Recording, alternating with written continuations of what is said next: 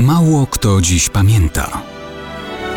Datownik historyczny prezentuje Maciej Korkuć.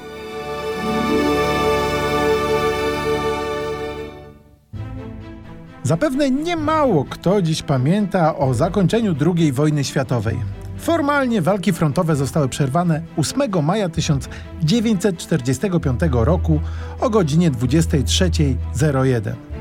Tak postanowiono we francuskim Reims dzień wcześniej, 7 maja. Akt bezwarunkowej kapitulacji podpisał reprezentujący Niemcy admirał Hans-Georg von Friedeburg oraz generał Alfred Jodl. Jeszcze próbowali coś dla Niemiec ugrać w czasie negocjacji w kwaterze naczelnego dowództwa alianckich sił sojuszniczych. Jednak generał Dwight Eisenhower był nieugięty. Rozmawiał z nimi krótko, zmuszając do szybkich decyzji. W imieniu Brytyjczyków akt kapitulacji Niemiec podpisał generał Walter Bedell Smith. W imieniu Sowietów generał Iwan Susłoparow. Stalinowi to się nie spodobało. Zażądał, aby ponowić procedurę w Berlinie. Zrobiono w pośpiechu oddzielną ceremonię. Nie wnosiła ona niczego nowego i potwierdzała warunki ustalone w Reims.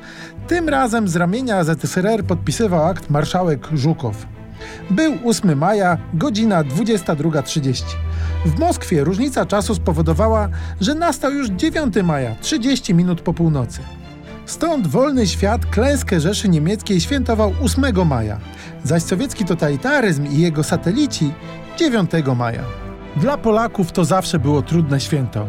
Olbrzymi wysiłek włożony w obalenie Niemiec powinien być pamiętany równie mocno jak to, że w roku 1945 Polska wciąż nie mogła cieszyć się wolnością.